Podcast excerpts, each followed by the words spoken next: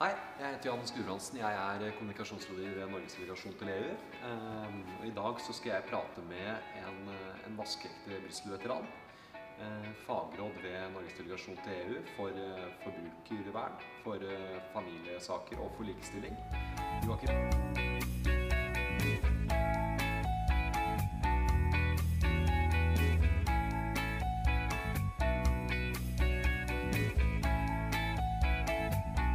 Da jeg begynte her, så var det jo egentlig bare forbrukerfeltet jeg kunne av disse, disse fagområdene. For det jeg har jobba med før av disse tingene, likestilling, ikke-diskriminering, og barn, familie, ungdom, oppvekst, politikk på de områdene, var, var helt nytt for meg.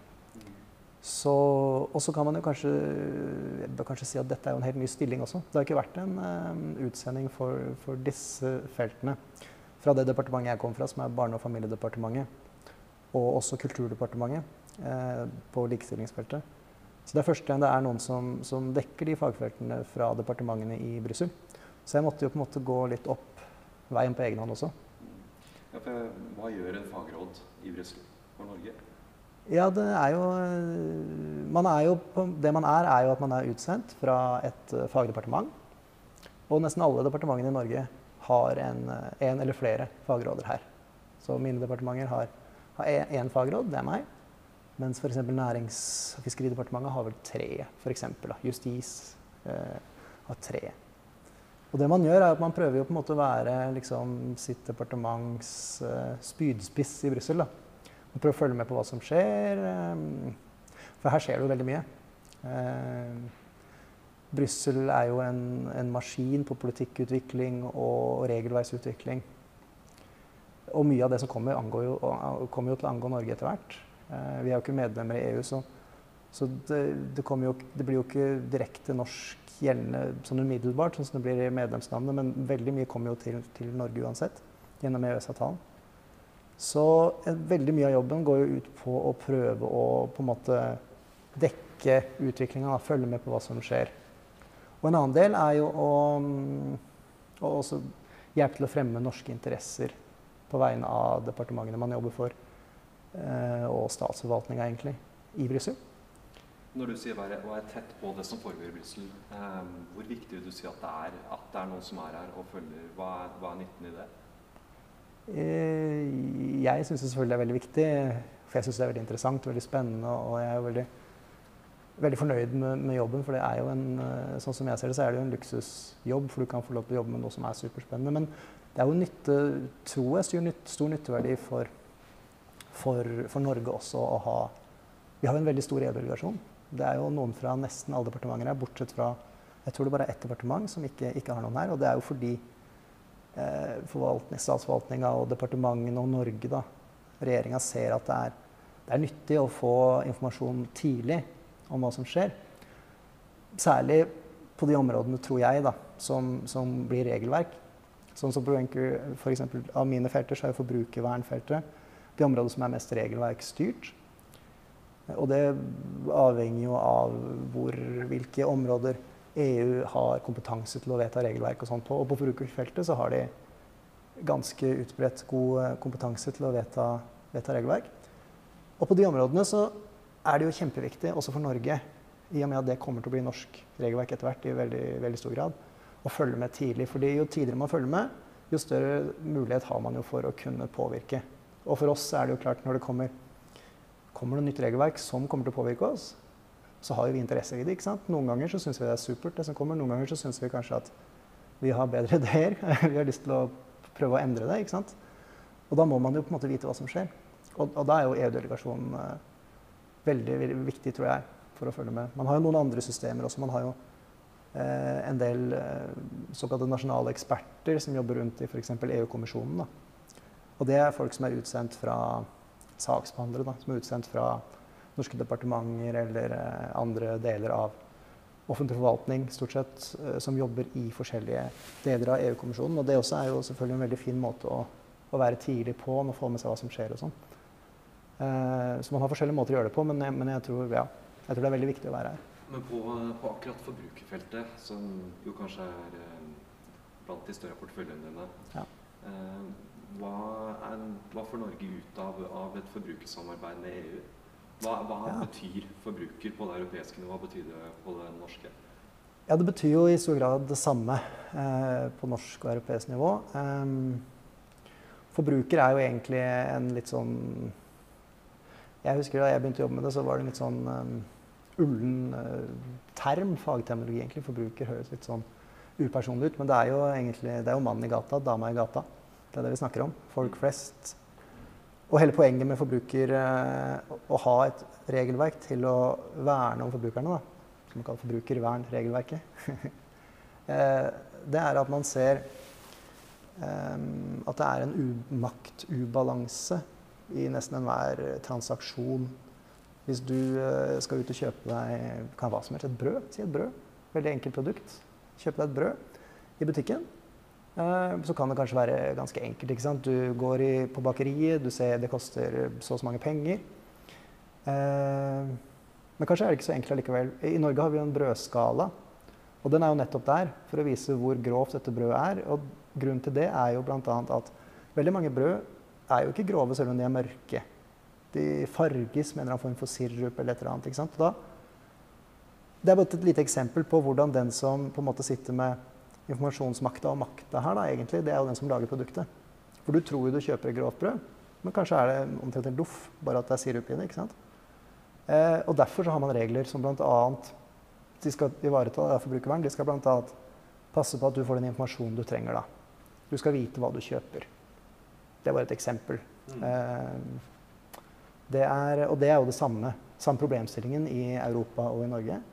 Hvis ikke jeg tar feil, så tror jeg det begynte sånn svakt i USA, hele den tankegangen. Og i Europa så har man jo i hvert fall hatt tanker om sånne ting fra USA også, fra iallfall 70-tallet. Eller på 60-tallet, tror jeg, i USA. Jeg lurer på om dette her faktisk, når jeg tenker meg om, at dette, noen av de første ville snakke om det, var John F. Kennedy, faktisk. så det går litt, ja. Det går litt tilbake. En ting som er litt spesielt Nå, nå blir det kanskje litt Avbryt meg hvis det blir eh, kjedelig, men utgangspunktet er jo denne maktubalansen. ikke sant? Så skal å, du skal prøve å gjøre litt med det. Det er jo vanskelig, fordi den som lager produktet Tenk deg du kjøper en iPhone. Eh, og du vet at det er en kul telefon, ikke sant? og du har sett masse markedsføring, og du har masse venner som har en iPhone, og du har lyst til å ha den nye iPhone, for den er jo den kuleste, for den er den nyeste. ikke sant? Og det er jo masse hype. Men du vet jo veldig lite om hva som egentlig er forskjellen på den iPhone og den forrige iPhone, eller hvor lenge dette batteriet kommer til å vare, eller hvilke funksjonaliteter som fungerer sammen med appene fra og sånn. Alt dette vet jo de som produserer det. Men veldig vanskelig å vite for en forbruker. Da. Derfor har man alle disse, alle disse reglene. Men det som, er, som jeg syns er litt fascinerende fra, på EU-nivå, så er det også en annen sånn filosofisk tilnærming til forbrukervern som jeg ikke har sett så mye i Norge. Eh, jeg tror den er mer europeisk. og det er nettopp det som gjør det mulig for EU å lage regelverk på forbrukerfeltet. Og det er at man ser dette her i sammenheng med liksom det større europeiske prosjektet med det fellesmarkedet. Eh, og man tenker seg at hvis hvert land, hvert land lager sine regler til å verne om forbrukerne, da får man det man kaller fragmentering av regelverket. Da vil man ha forskjellige regler i Sverige, Norge, Danmark. For ikke å snakke om Hellas eller Romania. Eh, fordi de ikke snakker sammen, og fordi de gjør det de mener er best i hvert land. Da vil det være et kjempeproblem for de som skal selge disse varene. fordi et hovedpoeng med hele EU-systemet og fellesmarkedet EØS er jo at man skal kunne selge tingene du lager på, i alle landene. I hele EØS-området. Og nettopp for å unngå den type sånn regelverksforskjeller som gjør det vanskelig å selge ting tenk deg at du har Det finnes jo litt forskjeller i dag også. F.eks. i Norge så man, er vi veldig stolte over at vi har en veldig god beskyttelse på, på det man kaller reklamasjonstid. Dvs. Si at du kan gå tilbake og klage på vara og få erstatning eller en eller annen eh, beføyelse, som man sier, hvis det er noe galt med vare, i løpet av fem år. Hvis, den er ment å vare, hvis det er en vare som er ment å vare lenge. Det er veldig få land som har så lang reklamasjonstid, og det er en veldig, veldig bra ting i Norge. Eh, I Europa ellers er det gjerne to år, f.eks. Sånne ting. Men, så sånne små forskjeller fins det. Men i det store og breie så har EU harmonisert veldig mye regelvern. Og Fordelen med det er jo, en ting er jo at de har jo heva forbrukervernet i veldig mange land i Europa. Så at Europa er jo nå, har jo nå et av De er jo verdensledende i forbrukervern. Det er egentlig et skyhøyt forbrukervernnivå eh, sammenligna med, med de fleste jeg kjenner til. Eh, og en annen ting da er jo at når du får disse like reglene, så er det mye lettere å få det indre markedet til å fungere. Mye lettere å selge varene sine. ikke sant? Det kan være en norsk produsent av hva det nå skal være, av sånne Swims-kalosjer f.eks. Hvordan er den norske forbrukeren merker liksom det, det er interessert det europeiske nivået på dette? Mm. Så snakker om, jeg, jeg ser jo stor, eh, Det må være stor nytte i det å ha harmonisert regelverk på forbrukervern rundt om i Europa. Se for meg for eksempel hvis man skal ut og reise med, med flyreise, må det være ekstremt relevant. Men, men eh, jeg tenker jo, som kommer utenfra, at vi i Norge har ganske høyt forbrukeren fra før av. Eh, Hvordan spiller det sammen med det europeiske, når at vi har høyere reklamasjonsfrist? Er det, er det sånn at Norge er foran Europa, eller er det at det er, vi blir hjulpet på en måte av det europeiske nivået, eller hvordan er det en dynamikk der? Det er en dynamikk, helt klart. Og, og det varierer nok litt fra sak til sak. På mange områder er vi jo veldig langt framme, og vi har jo vært det lenge. ikke sant? Så vi har vært et foregangsland, og det er vi jo fortsatt. Og du ser jo det eh, Eller de som jobber med forbrukervern eh, fra Norge, ser jo det når du kommer til Europa. For det fins jo veldig gode samarbeidssystemer her for f.eks. det norske Forbrukertilsynet og Forbrukerrådet har jo sine samarbeidsorganisasjoner. Og, og, og, Norge og norske representanter blir jo alltid lytta til. fordi vi har jo vi er jo et land, vi blir tatt veldig på alvor. Vi har eh, ganske mye ressurser som vi setter inn på forbrukervernfeltet sammenlignet med mange andre land. Og vi, ja, vi, vi altså, We uh, walk the walk and talk the talk, for å si det, Ja. si det sånn. Vi er veldig, veldig seriøse her.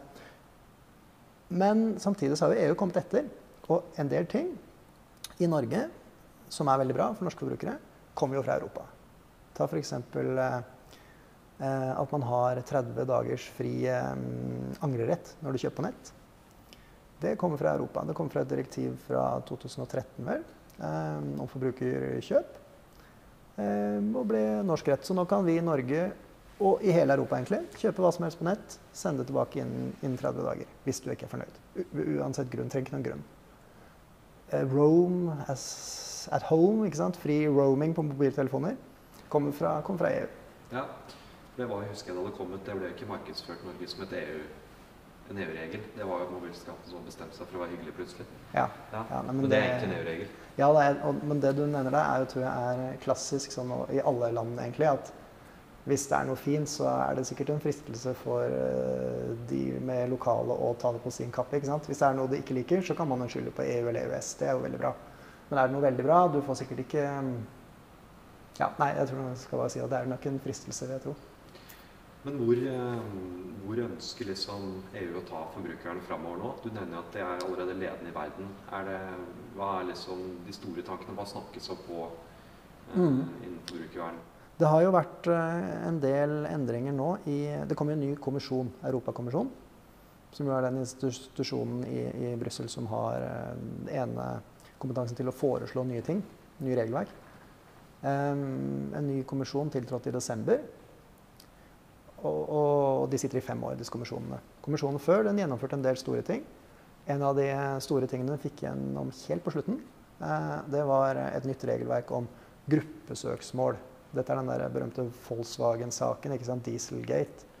Der en masse folk i, eh, hadde blitt rett og slett lurt av eh, da de kjøpte seg biler, Volkswagen-biler. Um, fordi bilene rett og slett forurensa mye mer enn det man hadde blitt forespeila.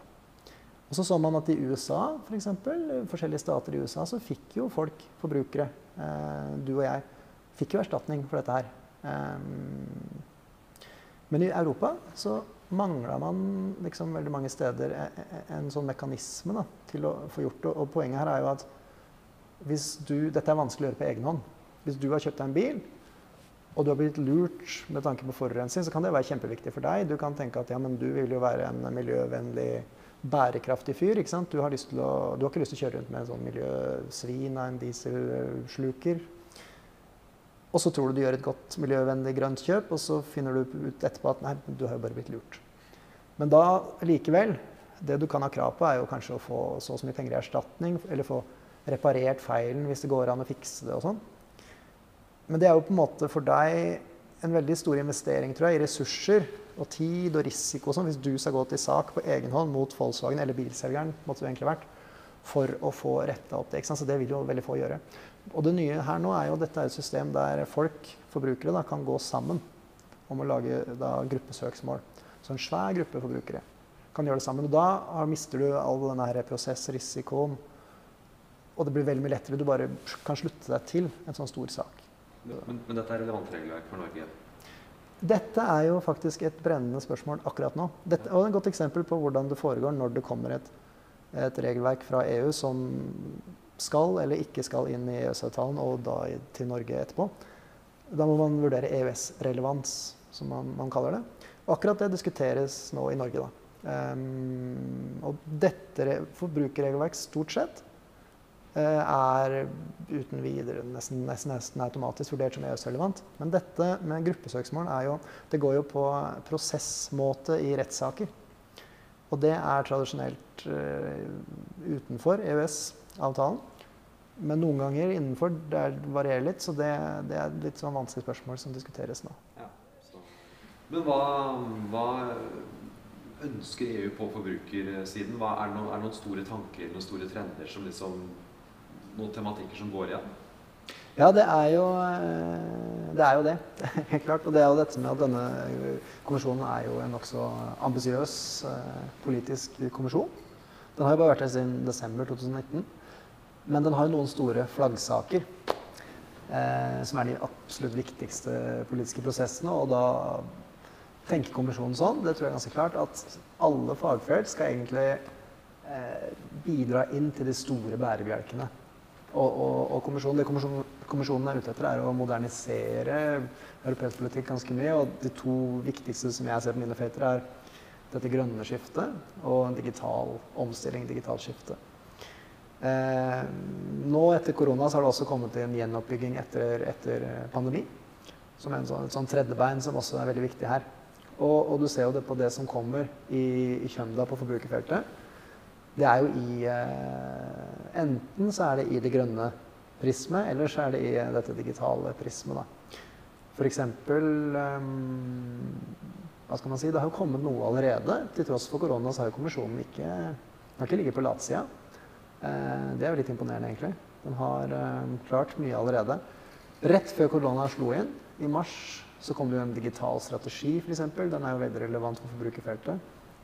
Det kom eh, en eh, i eh, Det var vel også i mars. Iallfall på vårparten kom det også en ny handlingsplan, europeisk handlingsplan da, for sirkulær økonomi. Som gjør det grønne skiftet beinet. ikke sant? Og der var jo forbrukeraspektene også ganske sentrale. Ja, jeg tror, Mitt inntrykk er at uansett hvilket fagfelt man er på nå, hvis man skal med mens skuta går, for å rekke toget, så må du inn i et av disse større politiske prosjektene. Og da er det som sagt, det jeg ser, det er det digitale, det grønne og nå gjenoppbygging. Da. Så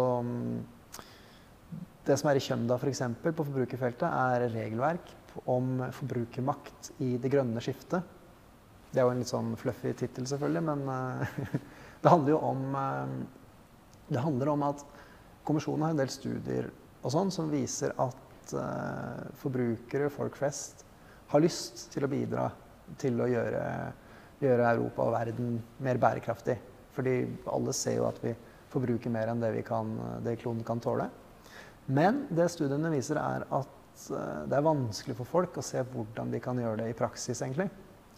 Um, og det er jo akkurat derfor eh, forbrukeraspektet blir viktig på, på, disse grønne omstillingene. Fordi eh, vi forbruker jo mer enn vi, vi, tåler. Og hvordan skal man på en måte nudge, dytte folk gjør det lettere for folk da, å bidra eh, i den omstillinga som trengs for å gjøre Det er i hvert fall dette som er politiske tanken. Da. Eh, hvordan skal man gjøre det lettere å få folk til å bidra? Men Du er fagråd for, eh, for eh, familiesaker og likestilling ved siden av forbrukervern. Eh, hvordan er EU som, som likestillingsaktør? Jeg vet ikke, Det er vanskelig å på en måte ja, jo, men det er vanskelig å på en måte definere det som sånn. Men man kan i fall si at det er veldig interessant å se forskjell. da, For en som meg som er ny på likestillingsfeltet iallfall. At det er eh, Hvis man skal sammenligne likestillingsfeltet i Norden da, og, og, i Europa, eh, så er det en del ting som jeg opplever at i Norden man tar for gitt. Ikke sant? Det er ikke noe kontroversielt i Norden å si at uh, vi er for uh, likestilling av LHBT-personer, f.eks. Og i mange land i Europa i EU så er det jo heller ikke det. F.eks. Spania er veldig pådriver for sånne ting. For eksempel, eh, men så har du jo også en del andre land eh, der det er superkontroversielt. Og det er jo på en måte, syns jeg, kanskje litt en fascinerende sak med likestillings- og ikke-diskrimineringspolitikk og diskusjoner og sånn her i Brussel, at der møtes jo to sånne kulturfronter. Eh, nå nå f.eks. har du jo gående i Polen en hel masse sånne regioner og lokale områder og byer og sånt, som har erklært seg som LHBT-frie. Og der er jo mm, Det er selvfølgelig hårreisende sett fra vårt ståsted ikke sant? og fra veldig mange andre medlemsland. I EU er det også det. Og eh, bare forrige uke var det en kjempedebatt i Europaparlamentet i plenum. Eh, der parlamentet kom opp med en resolusjon, en svær tekst. Og det er ikke første gang de gjør det, der de fordømmer dette på det groveste. liksom, Sier at dette er jo dette er forferdelig, det går ikke an. Dette er LHBT-personens rettigheter er menneskerettigheter. Vi kan ikke ha det sånn i Europa at man skal være utsatt for rasisme og diskriminering og, og vold hvis man, bare fordi man er litt annerledes eh, pga. seksuell ledning. Og også kommisjonspresident von der Leyen tok opp, nevnte akkurat det, den problemstillinga i, i, sin tale om unionens tilstand, som også var forrige uke. Og sa sånne ting som at eh, LHBT-frie soner er humanitetsfrie soner. Dette er uaktuelt. Vi kan ikke ha det sånn i Europa. Og så står man jo der da, i denne konflikten. Eh, hvordan skal man komme videre ikke sant? med disse steile frontene sine?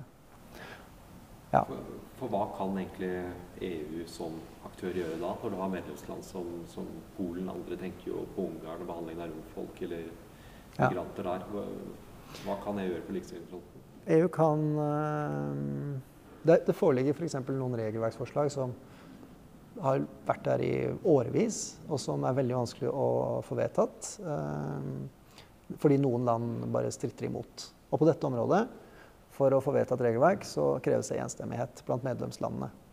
F.eks. et regelverk som egentlig er en, nærmest en sånn blåkopi av norsk regelverk om eh, likestilling og kvinnerepresentasjon, eller likestilling, i, i, bedriftsstyrer. Som har ligget der siden er det vel 2013, tror jeg. Eh, og parlamentet støtter det. Kommisjonen har lagt det fram for lenge siden, som sagt. Men noen land blokkerer det i rådet. Eh, skjer ingenting. Men uh, det kommisjonen jo da oftest gjør på disse områdene, er jo De diskuterer da blant medlemslandene, prøver liksom å komme videre. Men det er vanskelig mange ganger. Så det kommer med strategier, er et virkemiddel de kan, de kan gjøre. da. F.eks. kom det en likestillingsstrategi, europeisk likestillingsstrategi nå i mars. Og det kommer til å komme um, neste år en strategi for LHBT-personers rettigheter. Også en strategi neste år om funksjonshemmedes rettigheter. Det kommer til å komme en strategi om Roma, rombefolkning. Så det, det, er masse ting, da. Men, uh, men, bare for å gi et lite eksempel på hvor betent det kan være, og, som også gjør det interessant å følge med her. ikke sant? Dette er jo på en måte ikke begrensa til EU, dette er jo europeiske konflikter, egentlig. Forrige halvår, våren 2020, så var det Kroatia som var formannskapsland. Og det vil si, da er det Kroatia som er det landet som har ansvaret for å på en måte organisere og prøve å drive framover arbeidet medlemslandene gjør sammen i Brussel, under rådet. Um, Kroatia hadde én sak de hadde prøvd, ville fremme på likestillingsområdet, ikke-diskrimineringsområdet. Og det var uh, egentlig noe veldig sånn uforpliktende som kalles rådskonklusjoner. Det er ikke regelverk. Det, er en politisk erklæring som alle medlemslandene uh, kan skrive under på etter at du har hatt møte på toppnivå der blant medlemslandene. Og da et møte for likestillingsministre. Da hadde de tenkt å, jobbe fram en rådserklæring om noe, noe som også er tror jeg, veldig ukontroversielt, nemlig om eh, ansvarsfordeling for langtids omsorgsoppgaver. Du kan tenke, dette er jo en del av det som veldig mange land faktisk er enige om i Europa. At um, likestilling i arbeidslivet mellom kvinner og menn er viktig. For Hvis du snakker om likestilling mellom kjønn, så er det plutselig mye mindre kontroversielt for disse landene som er opptatt av familieverdier og og mot sånne skumle ting, da, sånn som LHBT-rettigheter og, og, sånne ting. Eh, ja. Men det skulle altså, Kroatia hadde satt for seg For Kroatia er et av disse landene som, som også ja, hva skal man si, det, De hadde satt for seg dette, ja, det kom et nytt, eh, faktisk nytt direktiv, nytt regelverk om det, i fjor. Og, og, som litt sånn oppfølging av det så skulle, hadde de tenkt seg at her kan jo rådet komme noen eh, politiske kommentarer. ikke sant? Si vi støtter dette arbeidet, og spesielt da med fokus på fordeling av om, sånne langtids i hjemmet. For det, det, viser jo all data at det er jo stort sett kvinner som gjør. Så det er jo enda en grunn til at kvinner eh, faller ut av arbeidslivet mer enn menn, tar lavere lønn enn menn og, og sånn. Og der holdt de på. Jeg har hørt rykter her om, fra kolleger om at kroatene lagde sju forskjellige versjoner, utkast, til disse egentlig ufarlige rådskonklusjonene. Men at de ikke ble vedtatt. Og det ble blokkert av enkelte land da, fra Sentral- Øst-Europa. Fordi det inneholdt en referanse i innledninga, en henvisning, til den EU e sin da, som jeg nevnte, nye likestillingsstrategi for, for likestilling mellom kvinner og menn. Og det sto egentlig ikke noe spesielt, så vidt jeg forstår, for disse dokumentene har jo egentlig ikke vi tilgang til. Dette er jo for rådet, og det er hemmelig mens de jobber med det bare mellom medlemslandene. Men problemet for disse landene, disse få, tre land tror jeg det var, i sentral og øst, var at med en henvisning til likestillingsstrategien, så innebærer det implisitt at du også henviser til, og kanskje på et vis støtter, det som står i likestillingsstrategien om arbeid mot vold mot kvinner. Eh, for det å bekjempe vold mot kvinner er ett punkt i likestillingsstrategien. Og den er fra kommisjonen, så kommisjonen kan jo legge fram den uten å stoppe seg medlemslandene. Men et av punktene som kommisjonen ønsker å jobbe med, er å få EU og alle medlemsland til å ratifisere eh, det som kalles Istanbul-konvensjonen. Som er Europarådets konvensjon mot vold i nære relasjoner og, og mot kvinner. Og barn og sånn. Og det var for mye å svelge for disse landene. Du kunne ikke rett og slett ha en henvisning i et sånt uforpliktende egentlig, dokument, politisk dokument til en strategi som inneholder som sier noe om at det er viktig at Europa jobber for å gjennomføre dette regelverket mot vold mot kvinner. Da holdt stakkars kroatiske kolleger på. De jobba jo så hardt de kunne ikke sant, i månedsvis for å prøve å finne kompromissforslag og sånn. Men jo mer de vanna det ut, jo surere ble jo disse på den andre siden. ikke sant? I sin nylige State of the Union-tall snakket jo Ursula von der Leyen om, eh, om, en handlingsplan mot rasisme, for å bekjempe rasisme. Hva går det ut på? Ja, Det er jo også en veldig, Vi kunne jo snakka i timevis, selvfølgelig, men dette er jo en veldig interessant sak. For dette er en sak som i utgangspunktet ikke sto på kommisjonens eh, planverk. Den har dukka opp som en reaksjon så vidt jeg forstår i hvert fall, på, på Black Life Matters og disse diskusjonene du har hatt i både Europa og USA i løpet av året nå om dekolonialisering og rasisme og disse tingene. Vips så er den høyt, høyt oppe på politiske agendaen. Og Ursula von der Leyen, kommisjonspresident, fortalte jo litt om den i sjølve liksom, talen om unionens tilstand her forrige, forrige uke. Jo, og der, nevner jo bare, der nevnes jo bare liksom, ting som er høyt politisk prioritert. Og så la kommisjonen den eh, handlingsplanen fram fredag som var nå. 18. september. Eh, og det er jo en handlingsplan, da. Du spurte om en strategi, er det en handlingsplan, og hva er forskjellen? Det er jo et godt spørsmål i og for seg. Men det er jo uansett ikke rettslig bindende dokumenter. Det er politiske erklæringer om hva kommisjonen ønsker å, å fremme og foreslå. For det, det kommisjonen gjør, er jo stort sett å foreslå ting. Eller å legge til rette for samarbeid. Eh, denne handlingsplanen er jo da mm, det kan komme noen ting som kanskje kan bite litt. De skal se på regelverket man har. fordi i Europa er eh, rasisme forbudt prinsipielt. Du har eh, traktatsverk, og du har detaljerte direktiver og sånn, som gjør at det er ikke lov å diskriminere. Men de skal f.eks. se på om det kanskje er grunn til å oppdatere regelverk. Kanskje på helt sånn eh, chartere for eh, grunnleggende rettigheter eller traktatsnivå. eller direktiv om rasediskriminering f.eks. som finnes, om det trengs å gjøre noe der for å oppdatere det. Og få det liksom i tråd med, med dagens tilstand. Det er én ting. En ting som faktisk um, virker ganske Som kan ha litt tenner. Uh, det er et forslag som ble lansert i uh, talen om rikets tilstand som et av de prioriterte forslagene for 2021, som er at kommisjonen vil legge fram et lovforslag om å gjøre hat hatefulle ytringer og hatkriminalitet til en såkalt eurocrime, en EU-forbrytelse. Nå er jo eh, hatkriminalitet allerede forbudt, og hatefulle ytringer jobber EU med i form, mer i form av eh, frivillige retningslinjer for, på nett spesielt har de kommet langt med det, for eh, store plattformer. Alle de viktige plattformene for sosiale nettverk sånn er med på et sånt uh, samarbeidsprosjekt mot hatefulle ytringer i, på nett. Mm. Alle de egentlig som er aktive og store og viktige der hatefulle ytringer kan dukke opp. Men eh,